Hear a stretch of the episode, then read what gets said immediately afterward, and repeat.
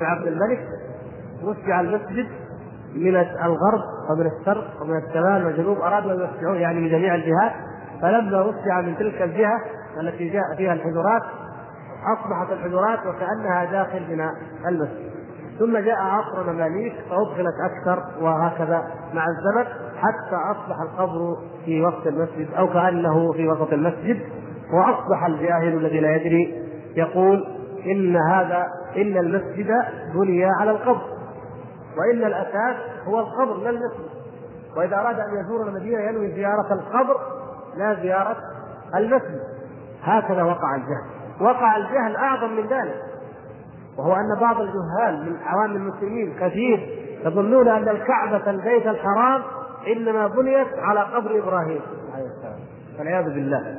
جهل فظيع لأن من كثر ما رسخ في أذهان المسلمين تقليد اليهود والنصارى في اتخاذهم قبور انبيائهم مساجد وأصبح الفا عاديا عند اليهود والنصارى ثم تناقله المسلمون حتى ظن المسلمون أنفسهم أن ما يوجد مسجد في أي مكان إلا هو على قبر ولو أنك رأيت بعض عوام المسلمين في بعض الدول وجاء إلى هذا المسجد لربما سألنا هذا المسجد على من الولي؟ ولي من؟ من في هذا المسجد؟ لأنه ما يتصور ابدا إنه في مسجد إلا وفيه ولي مدفون أو مبني على قبر ولي ابدا. والعياذ بالله. من كثر ما رسخت في أذهان المسلمين هذه البدع المنقولة عن عن المشركين من اليهود والنصارى حتى فشى الشرك في هذه الأمة أصبح حتى هذه الأمة حتى المسلمون يظنون أن المساجد التي قال الله تعالى فيها ان المساجد لله فلا تدعوا مع الله أحدا. وبيوت الله التي أذن الله أن ترفع وأن يذكر فيها اسمه وأن يوحد فيها ويفرد بالعباده ظنوا أنها إنما تبنى على قبور الأنبياء الأولياء وعلى قبور الصالحين. وهذا من أعظم الخطر الذي أصاب الأمة الإسلامية. حتى لما جاء التتار وهاجموا العالم الإسلامي ودمروه كانوا بعض من من السدنه سدنه هذه القبور. يصنعون الابيات ويقولون لهم يا خائفين من السكر لوذوا بقبر أبي عمر. فكان الناس يتجمعون عند أصحاب القبور يدعونهم ويقولون إن المدينة الفلانية محروسة للولي فلان. الولي فلان يسموه الحارس حارس كل مدينة كان لها حارس هذا الحارس لا يدخلها تتار ولا يدخلها صليبيون ولا يدخلها أي أحد لأن الحارس موجود. ولي مات فيها من زمان فهذا يحرسها فإذا جاء العدو جاء الناس هؤلاء الذين يصلون ويظهرون الدين تزاحموا عند القبر ويدعون الحارس يا حارس العدو جاء التتار جاءوا. ولكن لم يرحم التتار لا حارسا ولا محروسا. بل اقتحموا هذه المدن ودمروها. لأن هذا هذه الضلالات وهذه الخرافات وهذه الأوهام لا تقف أمام الحقيقة وأمام الواقع. فدعاء غير الله سبحانه وتعالى وعبادة القبور هذه من أعظم مظاهر الشرك التي تفشت في هذه الأمة تبعا للأمم السابقة منذ عهد قوم نوح. فإن لم يسمى ودا ولا سواعا ولا يغوث ولا يعوق فقد سميت أرباب أخرى من دون الله سبحانه وتعالى بأسماء أخرى إما أن وضعت على قبورها آه، القباب والمساجد وإما أنها تدعى من غير الله ولو في غير هذا المكان. وتدعى كما يدعى الله تبارك وتعالى. وهذا هو عين الشرك الذي ما لم يتخلص منه فلن يرفع الله سبحانه وتعالى الذل عن هذه الأمة. لن يرفع الله تعالى عنها الذل إلا بأن توحده وحده سبحانه وتعالى لا شريك له. فإذا وحدته وحده وحد الله قلوبها ونصرها وأعلى شأنها وأعلى مكانتها. وأما إذا بقيت على هذا الشرك فإنها مختلفة وستظل مختلفة. الحسين له عدة مشاهد يعبد فيها من دون الله تعالى. انظروا كيف أن هذا الشرك مثل ما يبعد الناس عن الله ويبعدهم عن الجنة أنه يفرق القلوب لأنه كذب ولأنه افتراق. الحسين يعبد في العراق على أن هذا هو قبر الحسين يعبد في الشام على أن هذا هو قبر الحسين يعبد في مصر على أن هذا هو قبر الحسين. أي حسين هذا؟ ونفيسه وزينب وعلي في كل مكان. حتى علي علي رضي الله تعالى عنه علي بن أبي طالب رضي الله تعالى عنه. معروف بالقطع أنه إنما قتل بالكوفة ودفن بها في مكان مجهول. ومع ذلك نجد في مدينة من المدن الإسلامية التي تقع على الحدود مع الاتحاد السوفيتي هذه المدينة إيش اسمها؟ مزار شريف. اسمها مزار شريف. يعني المزار الشريف. مزار من؟ مزار علي بن أبي طالب. يقول علي دفن في مزار شريف هناك وراء تركستان في تركستان على على حدود النهر. المكان الذي لم توفي علي رضي الله عنه وجيوش المسلمين لم تصل إليه. فضلا عن أن علي رضي الله عنه وهو الذي كان بالعراق ويقاتل أهل الشام حتى قتله الخارجي والأشقى اللئيم فضلا أن علي رضي الله عنه يصل إلى ذلك المكان ويدفن هناك وحدثني بعض زملائنا وإخواننا أخواننا من تلك البلاد ممن درسوا معنا وما يزالون الآن في الجامعة معنا. أن عدد من يزور هذا المزار يصل إلى أكثر من أربعة ملايين سنويا. هناك على الحدود مع روسيا سبحان الله العظيم. كيف يلعب الشيطان بعقول هذه الأمة؟ أنعجب إن لعب بعقول اليهود والنصارى واستحقوا اللعنة التي قال النبي صلى الله عليه وسلم لعن الله اليهود والنصارى اتخذوا قبور أنبيائهم مساجد. نعجب وإن نعجب أكثر لأمة التوحيد التي تقول لا إله إلا الله؟ والتي ترتفع مآذنها خمس نداءات في اليوم أشهد أن لا إله إلا الله وأشهد أن محمدا رسول الله. ومع ذلك هذه المئذنه مرتبة على قبر ولي معبود يدعى ويعبد من غير الله سبحانه وتعالى. كيف هذا التناقض تقع فيه هذه الأمة التي أورثها الله تعالى الكتاب واصطفاها على العباد؟ ثم اورثنا الكتاب الذين اصطفينا من عبادنا. أين الاصطفاء؟ إذا وافقنا أهل الكتاب اليهود والنصارى أعداء الله إذا وافقناهم في الشركيات إذا وافقناهم في عبادة غير الله إذا عبدنا ما عبدوا من دون الله إذا عظمنا ما عظموا من دون الله فأين الاصطفاء وأين القداسة التي قدست هذه الأمة بها وهي توحيد الله سبحانه وتعالى كيف تقدس أمة تتبع أعداء الله وتوالي أعداء الله وتشارك أعداء الله في أعظم ألوان الاعتداء على الله وهو الاعتداء على ألوهية الله سبحانه وتعالى والشرك به. فهذه من أعظم أسباب وقوع الشرك. ويذكر المؤلف اسبابا أخرى لكن السبب الأكبر لوقوع الشرك هو عبادة الأولياء. ولذلك رد الله تعالى عليهم جميعا فقال أولئك الذين يدعون يبتغون إلى ربهم الوسيلة أيهم أقرب ويرجون رحمته ويخافون عذابه. أولئك الذين يدعون الأولياء والأنبياء الصالحون المقبورون المدعوون الذين يدعونهم هؤلاء الناس في القبور يا علي أو يا حسين أو يا فلان هم يدعون الله هم يبتغون إلى الله الوسيلة هم يرجون رحمة الله هم يخافون عذاب الله. فكيف تأتي أنت وتدعوهم من دون الله؟ إن وقع بأحدهم الكرب قال يا علي يا علي. وعلي رضي الله تعالى عنه عانى من الكروب في حياته وآخرها ما عاناه من انشقاق الأمة عليه وما عاناه علي رضي الله تعالى عنه من خروج الخوارج عليه وما عاناه من أن يأتي هذا هذا اشقاها كمن بعث اشقى ثمود إن بعث اشقى الخوارج. فقتل علي رضي الله تعالى عنه. لم يملك علي رضي الله عنه لنفسه ضرا ولا نفعا. لم يحمي نفسه من هذا الخارجي. لم يحمي نفسه من عدوان الخوارج. لم يحمي نفسه ممن انشقوا عن طاعته وكان يريد أن يكون أمير المؤمنين عامة ويتوحد جميعا تحت طاعته. لم يملك لنفسه ضرا ولا نفعا. الحسين رضي الله تعالى عنه. الحسين لما خرج البر وجاءه اولئك الجيش وقتلوه. فلا شك أنه قتل مظلوما وأن دمه لا يحل ولا يحل دم أي مسلم أصلا ولا يجوز القتال في الفتنة أصلا بين المسلمين بإطلاق. لكن لما جاءوا وأحاطوا به وكما يقولون هم يقولون الذين يعبدون الحسين والذين يدعون الحسين يبكون لأن الحسين مات عطشان في البر لا يملك أي شيء. يبكون لأنه مات عطشان. ولذلك يقولون كيف نشرب الماء والحسين؟ مات عطشانا في البر.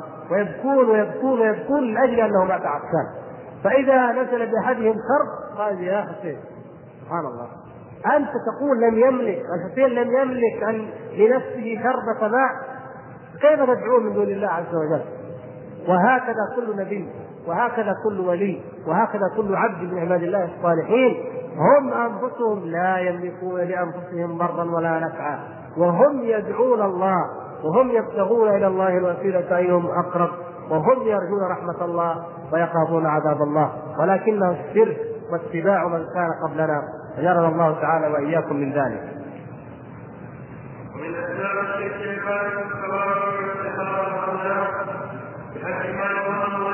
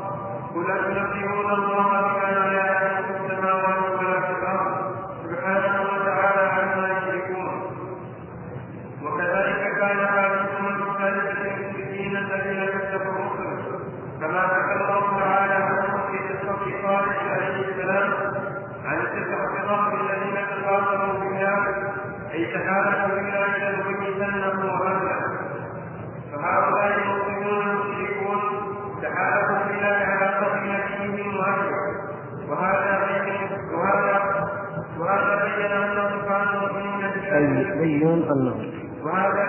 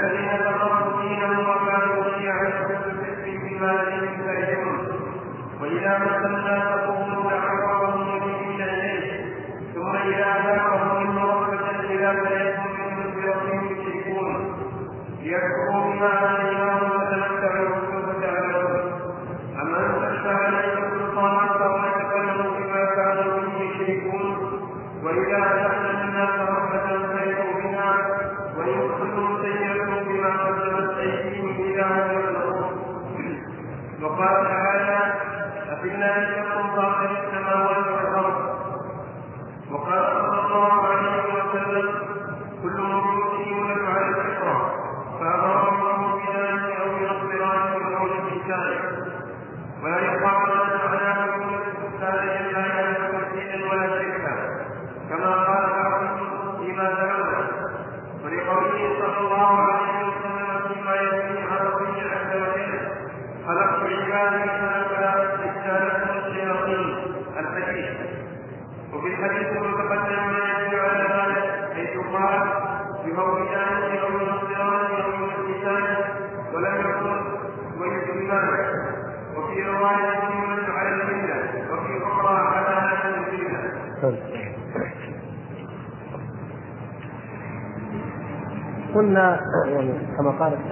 أعظم أسباب وقوع الشرك هو تعظيم الأولياء وتعظيم الصالحين من غير الله من دون الله سبحانه وتعالى. وهناك أسباب أخرى من أنواع الشرك ومن أسباب وقوع الشرك وهي تعظيم الكواكب. تعظيم الكواكب. هنا يقول الشارح ومن أسباب الشرك عبادة الكواكب. هي في الحقيقة يعني من أسباب وقوع الشرك تعظيم الكواكب أو من أنواع الشرك عبادة الكواكب العبارة تحتاج إلى تصحيح لكن المراد المفهوم أن من من أسباب وقوع الشرك تعظيم الكواكب فعظمت الكواكب كما عظم الصالحون فعبدت الكواكب كما عبد الصالحون. أو ومن أنواع الشرك عبادة الكواكب. عبادة الكواكب واتخاذ الأصنام بحسب ما يظن ما يظن أنه مناسب من الكواكب من طباعها هذا الشرك وجد عند الصابئين كما يقال كما قال الشاعر أي عند قوم نوح إبراهيم عليه السلام الصابئين الذين كانوا يعبدون الكواكب وهم قوم كانوا ببلاد آه، الشام في جهة حران وما حولها وكانوا يعبدون الكواكب ويبنون لها الهياكل. وما يزال هذه الهياكل أو بعض منها باقية إلى اليوم. وحتى أن العلماء الحفريات والآثار لما بحثوا وجدوا أن أولئك القوم كانوا يبنون المراقب ويبنون الهياكل ليعبدوا الكواكب. هؤلاء القوم عظموا الكواكب كما عظم أصحاب القبور المقبورين والأولياء. ويبدو والله أعلم أن سبب تعظيمهم للكواكب وأنهم لما رأوا الخلق والرد والمطر والخير والبركة تنزل من السماء. وراوا أن هذه أعظم ما في السماء كما يرونهم. اتجهوا إلى عبادة هذه المخلوقات أو إلى تعظيم هذه المخلوقات. ولا سيما وقد أوحى إليهم الشيطان أنه إذا ظهر الكوكب الفلاني في المكان الفلاني يكون الدمار وتكون الزلازل ويكون القسم وإذا ظهر الكوكب الفلاني واقترن من الكوكب الفلاني يكون المطر يكون الخير يكون الرحمة يكون البركة. هذا مما أوحى به الشيطان إلى الكهان وإلى المنجمين منهم. فنظروا إلى هذه الكواكب نظرة التعظيم واعتقدوا أن لهذه الكواكب تاثيرا في العوالم السفليه وأن ما يقع في الأرض فإنه يكون بسبب تلك الكواكب. ولا يزال هذا فاشيا في المشركين حتى لمن يدعي هذه الانتساب لهذه الملة. إذا رحت إليه يسالك عن نجمك. وإذا نجمك قال لا برجك ما أدري عن برج. السرطان ولا الحمل ولا مثلا العقرب يقول يقول لك حظك طيب وزواجك موفق وكذا وكذا. أو يقول لك لا أنت من أنت من برج العقرب وخطيبتك من برج السرطان لا تتزوجها. لازم تاخذ واحد من برج الحمل مثلا. هذه ما تزال حتى في هذه الأمة. نسأل الله عز وجل أن يرفع عنها هذا البلاء وأن يرفع عنها هذا الضلال ويردها إليه عائبه موحدة عابدة. فكان هذا الشرك وقع هذا الشرك في الصابئين. ولما يعني كان الآشوريون والبابليون وأمثالهم كانوا يبنون الهياكل العظيمة ويرصدون الكواكب لا للعلم الجغرافي الذي هو معروف اليوم وإنما بغرض التقرب إليها. ومعرفة أحوالها والاستدلال بها على أحوال العالم الارضي وكان لها شياطينها. كان لها شياطينها. فكانت الشياطين تنزل وتوحي إلى أوليائها في أخبار عن أمور مغيبة أو بأحداث أو بأحوال. فيأتي كهنة كل كوكب ويخبرون الناس بما أخبرهم أو بما أوحى به إليهم هؤلاء المرضى هؤلاء الشياطين. فيظن الناس أن هذا الإله هو الذي أوحى بذلك وأنه هو الذي يملك هذه الحقائق أو الذي يعلم الغيب أو هو الذي يدبر الكون. وكانت كل منطقة من المناطق تنافس المنطقة الأخرى وتحاربها وتتقاتل وإياها على ماذا؟ على أن إله هؤلاء هو أفضل. وهؤلاء يقولون لا إن ربهم هو أفضل من رب أولئك. هكذا كان البشر يتخبطون في الضلالات وفي الجهل. ثم وضعت أصنام في الأرض كما يقولون بما يتناسب مع طباع الكواكب. فبعضهم يعبد الكوكب وهو في السماء وبعضهم يعبد الكواكب التي يعبد الأصنام في الأرض. يصنع هيكل من الحجر ينحته ويقول هذا مناسب لطباع المشتري أو زحل. فيعبد فيعبد الناس هذا الصنم بناء على تعظيم الكوكب الذي هذا يتناسب مع طباعه. يأتي اولياءهم من الجن الشياطين فتدخل في جو هذه الأصنام. الأحجار. فتكلمهم وتخاطبهم باسم الصنم المعبود. وهذا ما كان حاصلا إلى زمن بعثة النبي صلى الله عليه وسلم. فكانت الشياطين تخاطبهم من الأصنام وتكلمهم منها وتحكم بينهم منها فيظن الناس أن هذه هي الأرباب الآلهة هي التي تتكلم. وهكذا أغوى الشيطان بني آدم في ذريته من المرضى وكذلك الشرك بالملائكة أو الجن واتخاذ الأصنام لهم كما يقول الشارع. عبادة الملائكة هناك قوم قالوا يعني عبادة الملائكة من جنس عبادة الصالحين. قالوا إن الملائكة عباد لله عز وجل. يسبحون الليل والنهار لا يفطرون لا يعصون الله ما أمرهم يفعلون ما يؤمرون. ومن آه، أخبر الأنبياء من صفاتهم العظيمة ومن طاعتهم لله عز وجل الشيء العظيم. فقالوا إذا نحن نتخذ الملائكة شفعاء عند الله. فندعو الملائكة ندعو جبريل أو ميكائيل أنه يشفع عند الله. ثم يدعونه استقلالا.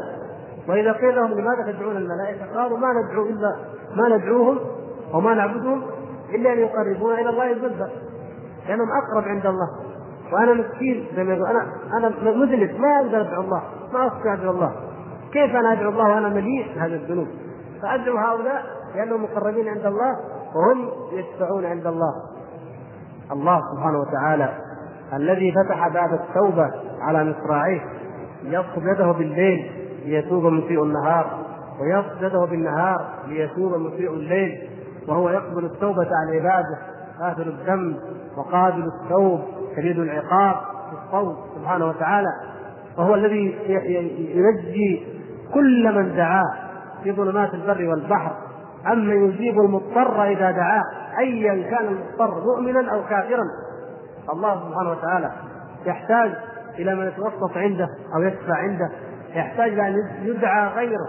ويعبد غيره لكي ينزل رحمته سبحانه وتعالى على أحد هذا ظن من ظن الذين عبدوا الملائكة هو من جنس عبادة الأنبياء وعبادة الصالحين وأما عبادة الجن فهذه لها سبب آخر لماذا؟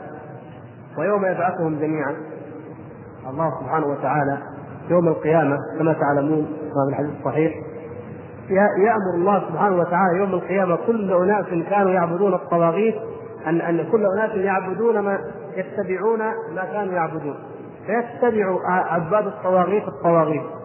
وممن يتبعون أو ممن ينحرفون أن عباد الجن ينحرفون يذهبون ويتبعون الجن لأنهم كانوا في الدنيا يعبدون الجن.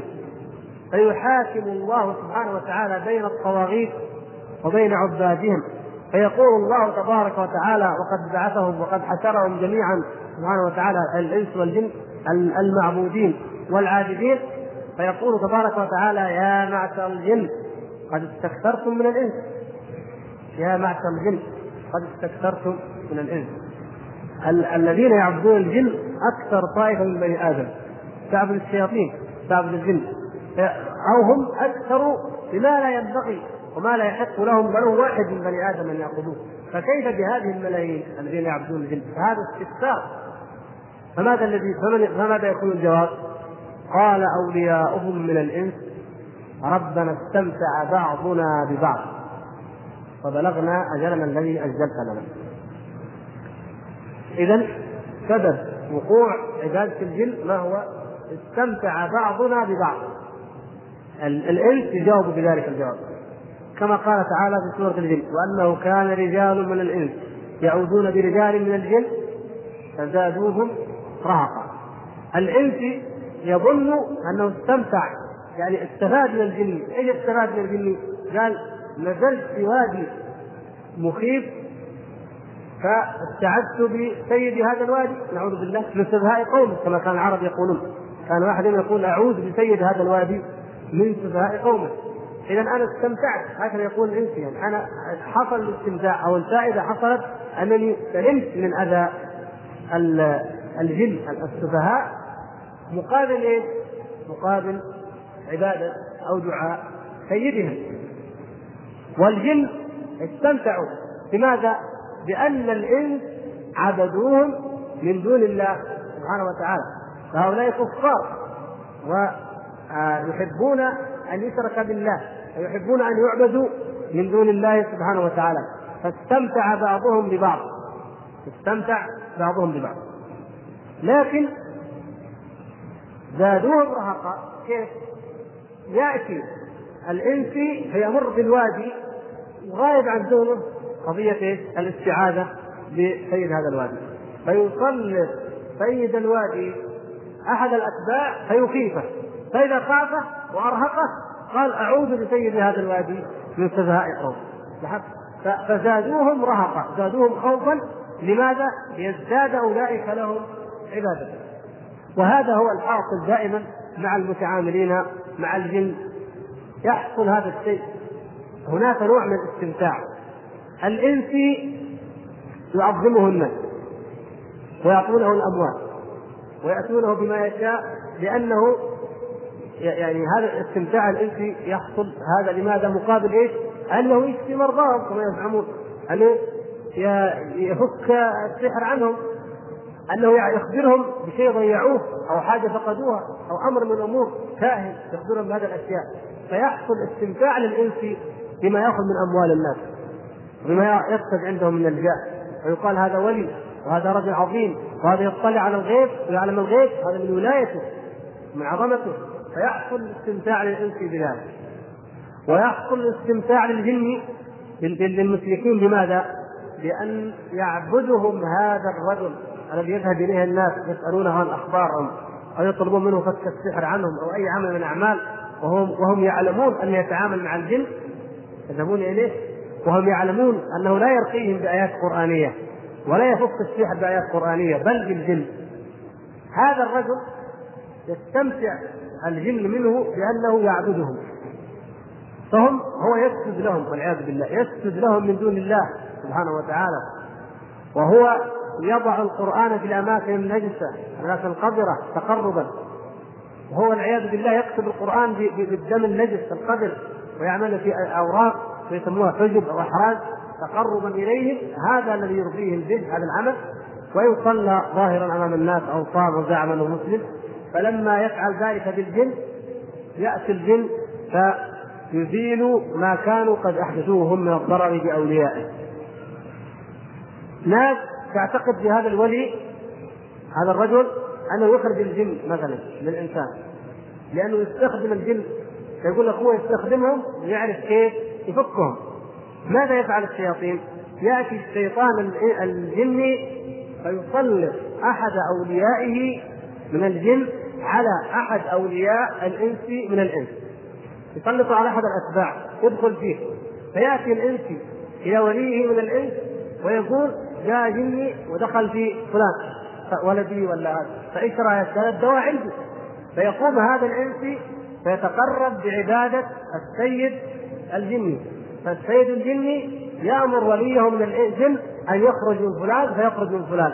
فتكون النتيجة أنه هذا فلان ولي وأنه طلع الجني وأنه رجل عظيم فيزيدهم رهق فيزدادون عبادة له فيزداد الشرك بالله سبحانه وتعالى ويكثر في الأرض بسبب هؤلاء القوم. بسبب الاستمتاع الذي يقع أن بعضهم كل واحد منهم يحقق مصلحة للآخر. ولذلك يقول الله تعالى إنما سلطانه على الذين يتولونه الذين لا يعتقدون بهذا الرجل الصلاح نهائيا. ولا يعتقدون أنه ولي بل يعتقدون أنه مشرك ويتعامل بالجن. هذا هؤلاء يكونون أكثر حفظا بإذن الله تعالى من أولئك الذين يعتقدون فيه الولاية والصلاه. نحن لا نقول إنه لا أحد يتسلط عليه الجن، لا هذا مرض بلوى ابتلاء. قد يبتلى الإنسان بالجن وهو ليس من أوليائهم ولا يعبدهم ولا يعتقد فيهم. لكن نقول لو جئنا إلى أمة أو طائفة لا تعتقد بأن هذا الولي أو هذا هذا المشرك هو ولي من دون الله وهو الذي يخرج الجن وهو الذي يفعل بل تعرفه على حقيقته وتجتنبه ولا تزوره ولا تذهب إليه. نظرنا إلى وقوع نسبة كم نسبة دخول الجن وكم نسبة إيذاء الجن لهؤلاء المؤمنين الموحدين. لوجدناها أقل بكثير جدا من نسبتها في من؟ في القبائل أو في الطوائف. أو في المدن التي تعتقد بهؤلاء الناس. لماذا؟ لأن تسليطه على أوليائه الذين يتولونه أكثر. وحماية الله عز وجل للذين لا يعتقدون في ذلك قائمة. وكلما كانوا كان أولئك أكثر توحيدا كلما كان بهم مناعة أكثر من كيد هؤلاء الشياطين. أما من يعتقد فيهم ذلك فهو مستسلم. هو قد فتح قلبه وأفرغ قلبه لأن تأتي إليه هذه الشياطين. تأتيه بالأوهام ثم تأتيه بالمرض ثم تأتيه بالعلاج. ما العلاج؟ قالوا تذهب إلى فلان. يذهب إلى فلان وهذا فلان يقول لسيده الملك فلان من من ملكة الجن. الأحراز التي يكتبونها والأدعية التي يقولها عباد الجن يقولون فيها أن فلان الجن يا فلان يا ملك الأرض السابعه من الجن إن أحد أتباع فلان أو كذا كذا دخل في فلان فاخرجه منه يا كذا يا كذا ثم يكتبون أسماء وأرقام وألغاز بالسريانية كما يقولون بلغة مجهولة. وهذا الذي يجعلنا نجزم بأنهم مشركون لأنهم يدعون غير الله ولأن كل ما كان بغير العربية فهو شرك. يكتب بغير العربية لأن الشياطين تعلمهم رموز معينة هي رموز عبادتهم. فيكتبون هذه الرموز لأنها رموز عبادتهم. ثم يدعونهم فإذا دعاهم يأتي الجني يأتي الملك هؤلاء الجن المعبود الذي عبده الانسي فيأمر وليه من الجن الذي آذى الانسي الآخر يقول اخرج منه فيخرج منه وهكذا. فقالوا إيش ربنا استمتع بعضنا ببعض. فبلغنا أجلنا الذي أجلت لنا. قال النار مثواكم أجارنا الله وإياكم من النار. فالنار حق للطرفين. النار مثوى ومأوى للطرفين للمعبودين وللعابدين لمن لمن يدعون غير الله ولمن يدعون من غير الله وهم راضون بأن يدعون وأما الأنبياء والملائكة رضوان الله تعالى عليهم الملائكة لا يرضون أن يدعوا والأنبياء لا يرضون أن يدعوا وإنما من رضي أن يدعى من دون الله فهذا يعبد يدخل النار مع من يعبده من دون الله. وأما من عبد من دون الله وهو غير راضي أن يعبد من دون الله فإنه يتبرأ يوم القيامة من هؤلاء كما يتبرأ المسيح. أكثر إنسان عبد من دون الله هو المسيح عليه السلام. لأن النصارى من أكثر طوائف الأرض. ومن أكثر من الأرض. ومع ذلك لما يجمعه الله سبحانه وتعالى مثل ما قلنا يجمع الله يوم القيامة كل عابد ومعبود. كل عابد ومعبود. فيجمع المسيح والنصارى. فيقول الله تعالى يا عيسى أأنت قلت للناس اتخذوني وأمي إلهين من دون الله؟ يسأله قال سبحانك ما يكون لي أن أقول ما ليس لي إن كنت قلته فقد علمته. تعلم ما في نفسي ولا أعلم ما في نفسك. إنك أنت علام الغيوب. ما قلت لهم إلا ما أمرتني به أن اعبدوا الله. هذا هو القول. أول ما افتتح قال إني عبد الله. أول ما أنطقه الله قال إني عبد الله. فيوم القيامة يقول ما قلت لهم إلا ما أمرتني به أن يعبدوا الله. يعني أنا بريء منهم وبريء من شركهم. فحينئذ يقع الشرك على من؟ تقع العقوبة والعذاب على من؟ على على العابدين فقط. أما من عبد وهو غير راض فلا يقع عليه. لكن بخلاف الجن الجن راضين. الجن راضين أن يعبدوا. المعبودين من الجن يعني راضين. والذين عبدوهم من الإنس راضين. طبعا العابد راضي. في في فيقول النار فتكون النار للجميع. فهم يعترفون بين يدي الله بأنهم استمتع بعضهم ببعض. فللملائكه تقول لله سبحانه وتعالى تقول بل كانوا يعبدون الجن أكثرهم بهم مشركون. يعني أكثر الجن أكثر الإنس مشرك أو مؤمن أكثرهم بهم مؤمنون. أكثر الإنس مؤمنون بالجن. فالذين يعبدون الملائكة الذين يعبدون الجن من الإنس أكثر من الذين يعبدون الملائكة لأن الملائكة أصلا غير راضين. وإن وقع من يعبدهم إن وقعت العبادة لهم فإن الملائكة تتبرأ يوم القيامة منهم ويتبرأ الأنبياء ويتبرأ عباد الله الصالحون وأما العابدين أما العابدون والمعبودون برضا فإنهم يحشرون جميعا إلى النار وفي النار يقول الضعفاء يدعون الضعفاء يدعون الله ربنا آتهم عذابا ضعفا يعني على من؟ يدعون على من؟ على الآلهة الأرباب المعبودين فيقولون هؤلاء الذين أضلونا نحن ما عبدنا ولا أشركنا إلا بسبب هؤلاء يريدون أن يقع العذاب مضاعف وإلا هم في العذاب.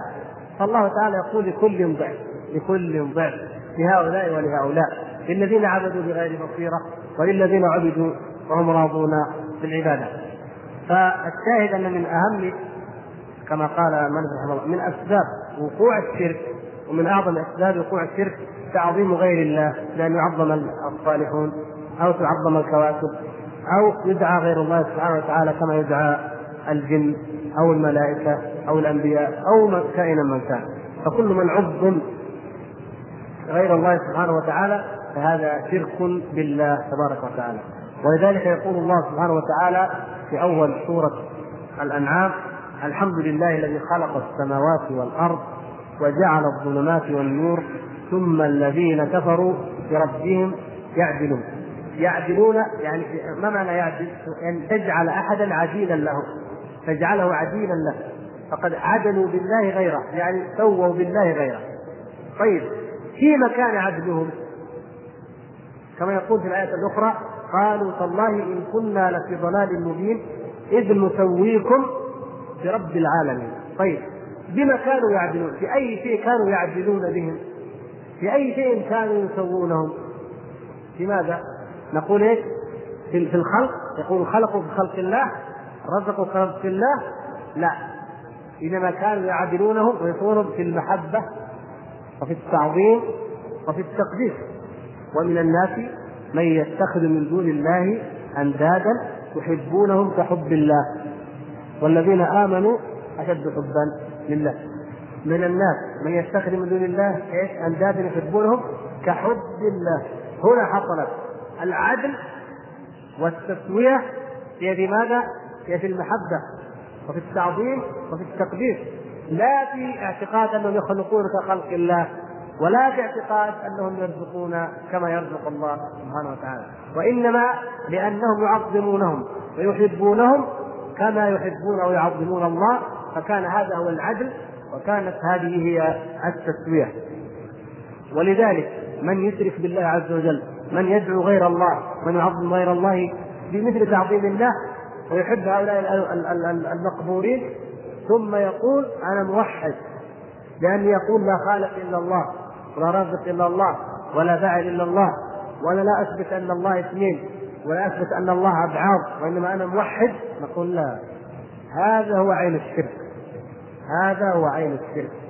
وليس الشرك ليس التوحيد هو اعتقاد أنه واحد غير متعدد ولا غير أبعاد بان ننفي عنه الكمية المتصلة والكمية المنفصله كما يقولون. ليس هذا هو التوحيد. وأيضا الشرك ليس هو أن تعتقد أن غير الله خلق كخلقه أو رزق خلقه وإنما الشرك أن تحب غير الله كما تحب الله أن تعظم غير الله كما تعظم الله سبحانه وتعالى. فتطيعه وتعبده كما تعبد الله تتقرب إليه وتتقرب إلى الله. سواء وقع هذا الشرك مع الله أو وقع من دونه. سواء دعا هذا الإنسان دعا الله ودعا معبوده جعلهما سواء هذا شرك أو دعا من دون الله دعا غير الله فقط ولم يدعو الله سبحانه وتعالى. وهنا أيضا قضية كما ذكر الله سبحانه وتعالى في هذه الآية في الآيات من سورة الروم وغيرها. هنا شيء عجيب أن الناس كانوا إذا مسهم الضر دعوا الله مخلصين له الدين. الشرك المشركون القدامى كانوا إذا مسهم الضر في البحر أو في البر يدعون من؟ يدعون الله سبحانه وتعالى مخلصين له فلما نجاهم إلى البر إذا هم يشركون أو إذا فريق منهم بربهم يشركون. كما في آيات كثيرة. ولكن وقع الشرك في المتأخرين حتى أصبحوا يدعون غير الله تعالى. في وقت الشدة وفي وقت الرخاء معا. وهذا والعياذ بالله غاية الانتكاسة. فوجد اناس إذا اشتدت الأزمة واستحكمت المصيبة ازدادوا تضرعا لمن يعبدون غير الله. سواء كان علي أو حسين أو فلان من الأولياء ممن ما ما أكثر ما يعبد من دون الله عز وجل يتضرعون إليه يا سيدي فلان يا سيدي فلان ويدعونه في وقت الشدة وقت الضنك وقت الخوف والغرق وقت الذي يعني كانت قلوب المشركين فيه تخلص لله عز وجل هم يدعون غير الله سبحانه وتعالى في هذا الوقت. وهذا دليل على أن شرك المتأخرين أو شرك ما يفعل ذلك أعظم من شرك الأولين. وكلاهما مشرك وكلاهما في النار. نسأل الله سبحانه وتعالى أن يجنبنا وإياكم الشرك دقيقه وجليله وأن يباعدنا عنه وعن طريقه وعن كل ما يوصل إليه وأن يجعلنا من عباده الموحدين المؤمنين.